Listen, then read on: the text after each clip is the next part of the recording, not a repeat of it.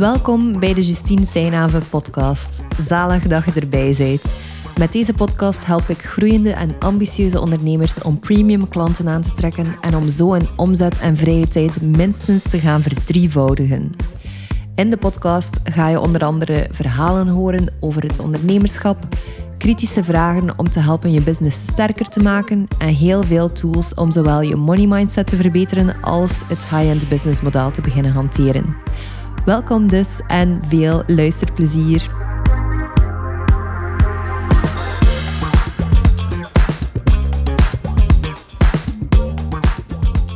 Hoi hoi, blij dat je er weer bij bent vandaag op deze podcast over hoe geld mij eigenlijk soms nog onzeker maakt.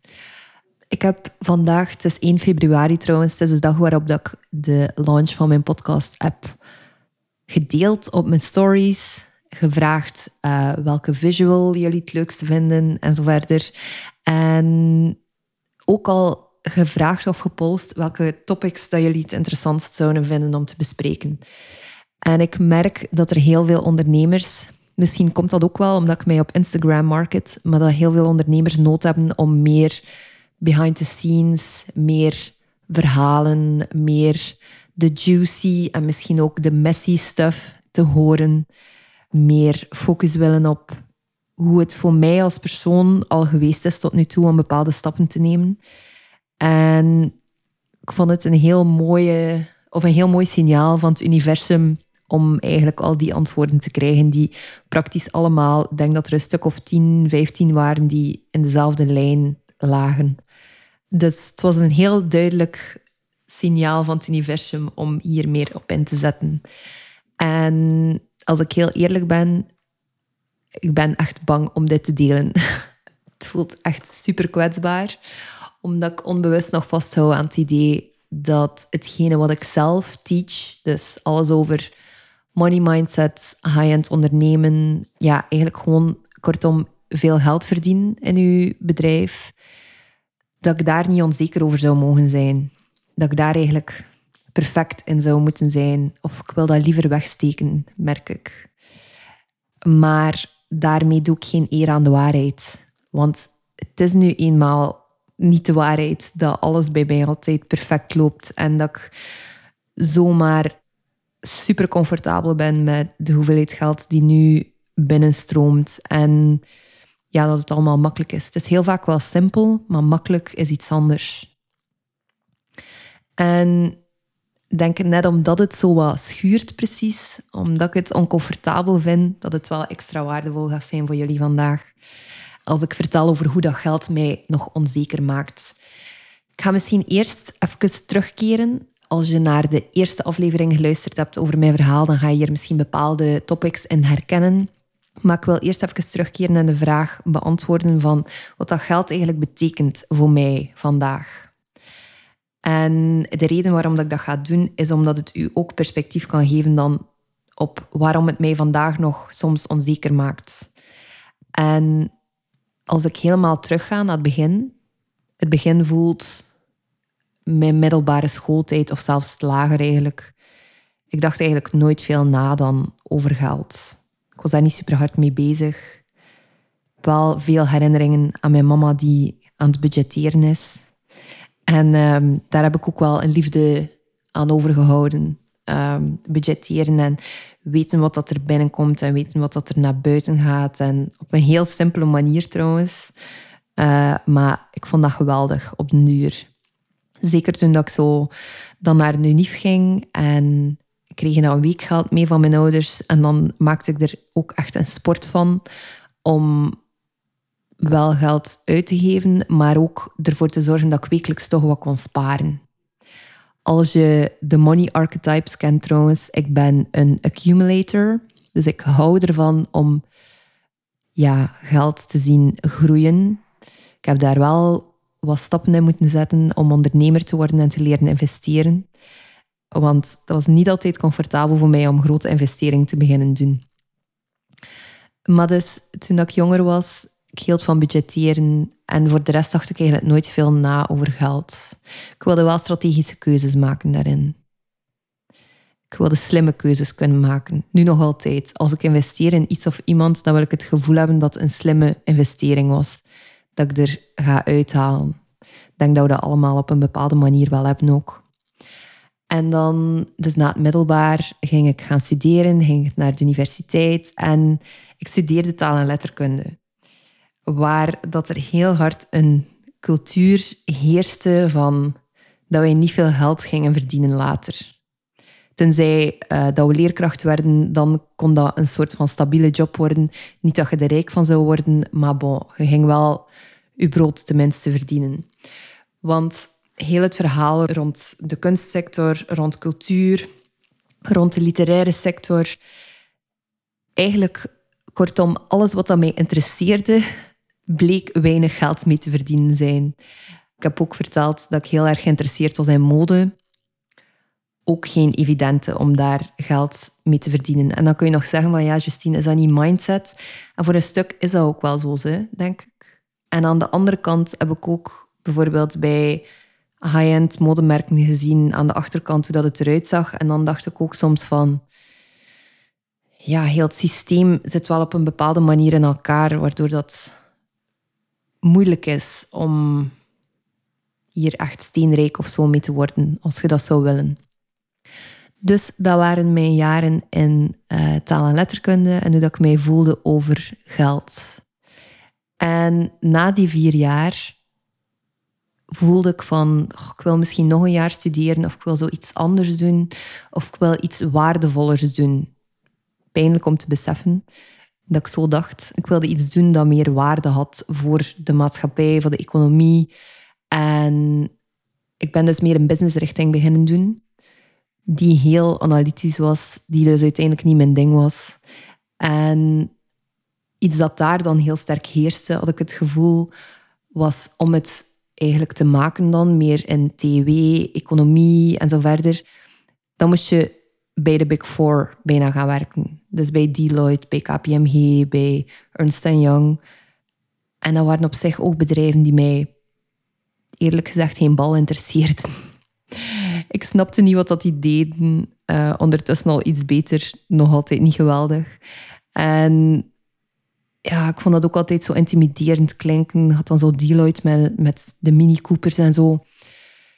Dus ehm, ja, zo voelde ik mij eigenlijk heel mijn, mijn jaren over geld. Alsof dat het iets moeilijks was. En, en dat het vooral moest gecombineerd worden met wat dat de maatschappij dacht dat een goede job zou zijn. Dan een slimme job is om, om voor te kiezen.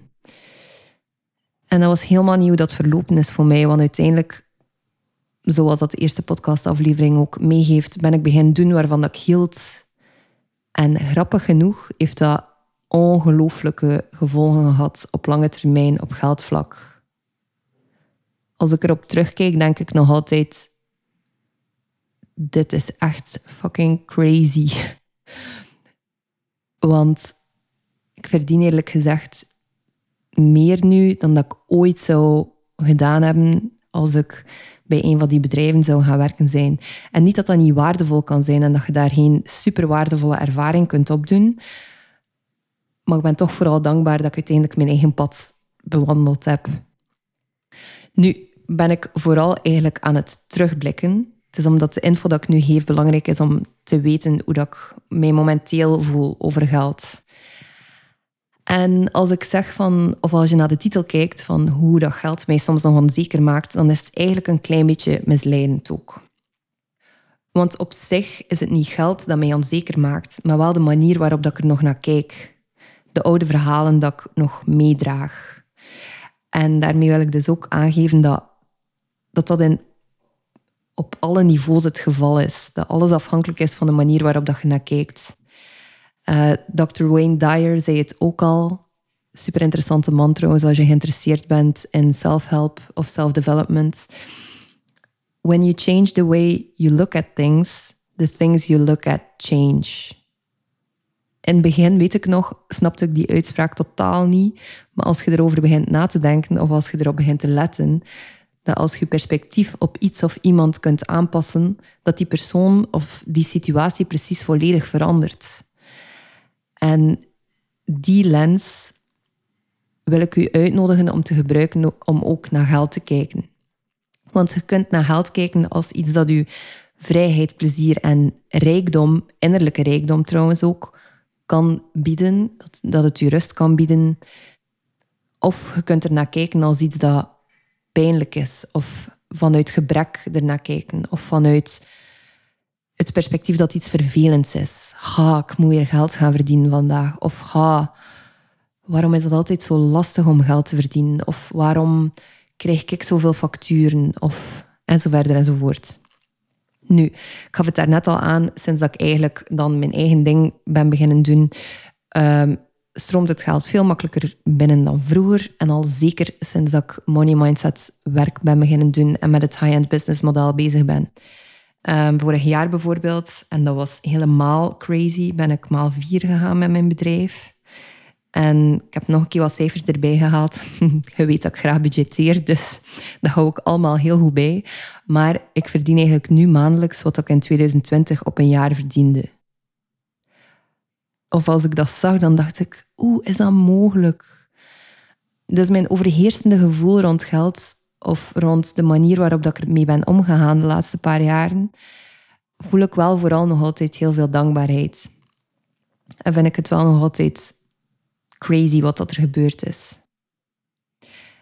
En aan de andere kant heb ik ook veel oude ikjes vaarwel moeten zeggen, of heb ik heel veel oude versies van mezelf tegengekomen. Heel, heel veel traantjes gelaten, die trouwens niet gezien worden op Instagram, dus ik wil dat nu al even meegeven. Dat ik heel veel gehuild heb. Ik ben ook iemand die makkelijk huilt.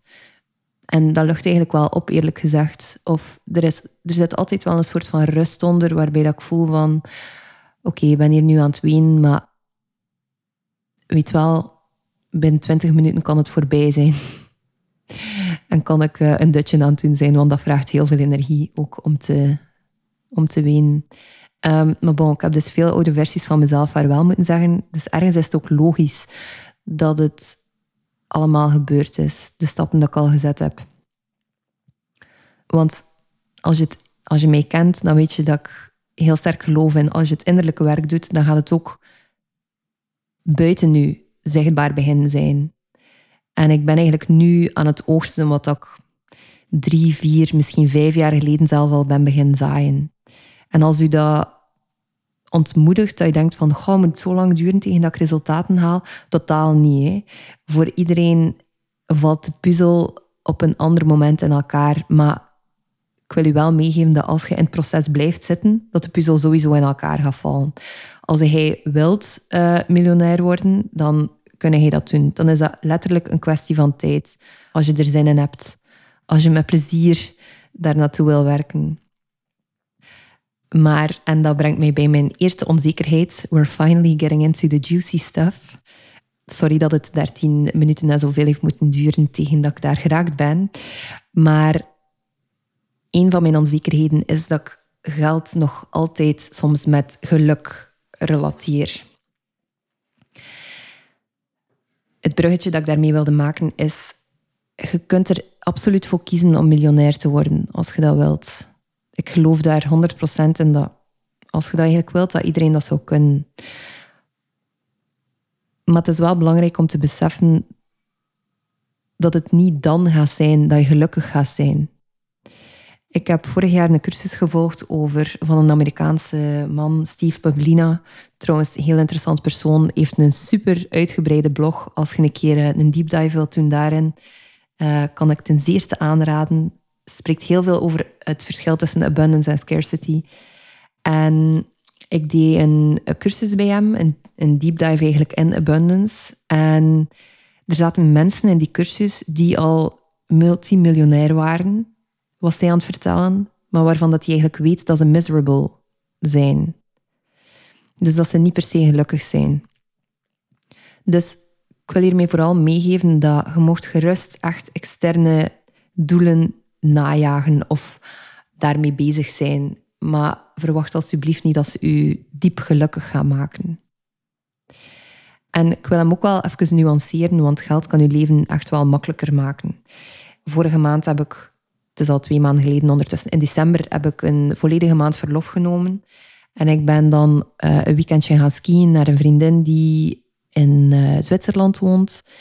En achteraf gezien is daar eigenlijk vrij duur wel in vergelijking met België. En ik weet nog dat ik op dat weekend zelf, dat wij gewoon aan het doen waren en gewoon aan het uitgeven. En dat ik zelfs echt tijdens het weekend zelf nooit heb nagedacht van oei, hoeveel uh, gaat dat mij kosten? En um, ja, ik ga misschien wel moeten zorgen dat ik wel een bepaald budget heb vastgelegd. Dat ging vorige Justine dus doen. Maar huidige Justine had echt zoiets van... Ga ik hier gewoon van genieten? Uh, van de tijd met mijn vrienden, van het feit dat we hier samen kunnen gaan skiën en snowboarden. Het was al super lang geleden dat ik nog gesnowboard had. Meermaals gevallen trouwens.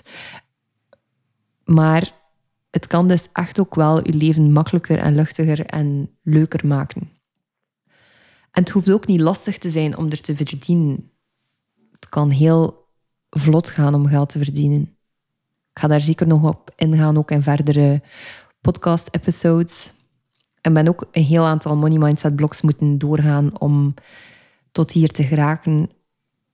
Maar er komt ook gewoon een punt waarop dat geld eigenlijk echt begint te stromen en waarop dat je bepaalde skills hebt ontwikkeld.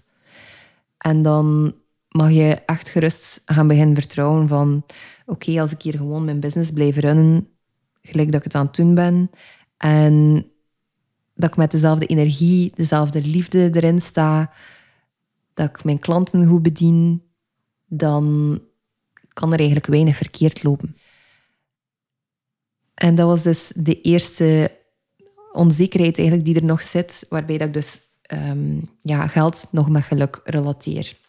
Een tweede ding is schaarste denken, maar op een heel specifieke manier. Soms denk ik dat hetgene dat ik heb opgebouwd nu de laatste jaren, dat dan een keer gewoon in elkaar zou kunnen storten. Dat het mij, en dat is een onbewuste gedachte die nu naar boven komt, maar ik wil ze wel delen, dat het mij allemaal zal afgenomen worden. Dat het geld gaat stoppen met stromen. En ik wil hier nuanceren dat vanuit een mentaal perspectief weet ik heel goed dat een dergelijke gedachte dat dat een illusie is. Maar dat betekent niet dat het niet zo kan voelen. Heel vaak in de self-development wereld of in de mindset wereld kunnen we in een soort van systeem vervallen waarbij dat we denken van oké, als ik er zo over denk, dan gaat dat gebeuren. En dat we eigenlijk op een heel analytische manier gaan kijken naar mindset. Maar dat is nieuw, dat werkt ook, want daarbij vergeet je het volledige stuk van je lichaam en alle kennis en alle wijsheid die daarin opgeslagen zit. En alles van je emoties, wat dat dan naar boven kan brengen en omgekeerd, zodat je gedachten je emoties gaan beïnvloeden. Dus die twee zijn niet altijd hetzelfde, hoe dat je voelt over iets versus wat dat je weet. Heel veel ondernemers weten bijvoorbeeld heel vaak welke acties dat ze moeten nemen om vooruit te geraken. Dat betekent in de verste verte niet dat ze ze effectief gaan nemen. Dus dat wilde ik even meegeven over het idee waarbij ik soms nog in schaarste denk en durf te geloven dat het verhaal dat ik eigenlijk heb opgebouwd helemaal in elkaar zou kunnen storten. Alsof dat een kaartenhuisje is. Het is eigenlijk grappig als ik erover nadenk. Schattig van mijn brein dat het mij dat te geloven. En een derde onzekerheid of derde manier waarop dat geld mij onzeker maakt, of hoe dat ik kijk naar geld, wat dat mij dan onzeker maakt, is dat ik soms nog conditioneel naar geld kijk. En mezelf bepaalde, ja, soms best wel strenge doelen ook opleg. En dat ik zeg bijvoorbeeld van als ik X verdien, dan pas mag ik Y doen. En Y kan dan zijn bijvoorbeeld op reis gaan naar ergens of een weekendje naar een bepaalde plek gaan. En dat is eigenlijk het omgekeerde van hoe dat ik wil denken of hoe dat ik in het leven sta. Ik geloof dat het omgekeerd eigenlijk waar is. Als je zegt tegen jezelf, als ik X verdien, dan mag ik pas Y doen, dan zeg ik altijd eerst van, doe maar eerst Y. Start bij I en dan ga je wel zien wat er gebeurt. En I is meestal, en dat is het probleem ook, I is meestal gewoon fucking scary om te doen. Um, is meestal hetgene dat je voor je uit wilt schuiven of dat je op een soort van, ja, een soort van pedestal wilt gaan zetten, omdat het iets speciaals is, zogezegd. Maar wat als eigenlijk gewoon je realiteit mag zijn? Wat als, als ik zeg van, um, als ik X verdien, dan mag ik Y doen. En als Y dan op reis gaan is naar, ik zeg maar iets, naar de VS terug. Ik ben in 2017 en 18 daar een aantal keer geweest. En ik wil eigenlijk al lang nog een keer terug. Wat als ik gewoon een reis boek naar de VS? En dan wel weer zie. En heel vaak is de mop dan ook dat... Misschien heb je ooit al de uitdrukking gehoord, money needs a home. Dus als hij zegt tegen jezelf van als ik X verdien, dan pas mag ik Y doen. En Y is bijvoorbeeld een huis kopen. Dus je zegt tegen jezelf van oké, pas als ik 10.000 omzet per maand, dan mag ik um, een huis kopen. De kans is groter dat je aan die 10.000 per maand gaat raken als je het huis gekocht hebt. Omdat je dan voelt wat voor leven dat je kunt creëren voor jezelf als je in die volgende realiteit zit. Dus doe maar eerst of ga je maar gaan omringen door de dingen dat je wilt in je leven. En dan komt het geld echt wel. En dat is een heel simpele techniek of een heel simpele tip. Um, maar die werkt voor mij bijvoorbeeld geweldig goed. Ik kies meestal een business coach waarvan dat ik denk, als ik die investering eruit kan halen, Jesus, dan ben ik wel echt, uh, echt gegroeid. En ik wil u daarvoor uitnodigen om een keer te kijken naar uw leven en, en te zien van waar zijn de plekken waar dat hij in die realiteit kunt gaan zitten. En dan komt het geld wel. Dankjewel alleszins om erbij te zijn en om naar deze iets kwetsbaardere podcast te luisteren. Er komen er nog heel wat in dit stramien. Dus um, ja, dankjewel om erbij te zijn. Tot de volgende. Merci om te luisteren vandaag. Als je iets bijgeleerd hebt of je hebt een nieuw inzicht gedaan dat je business gaat laten groeien, vergeet dan zeker niet om de podcast te volgen of u erop te abonneren. Of als je mij liever een persoonlijk berichtje stuurt, kan dat via de DM's op Instagram. Je vindt de link naar mijn profiel in de show notes.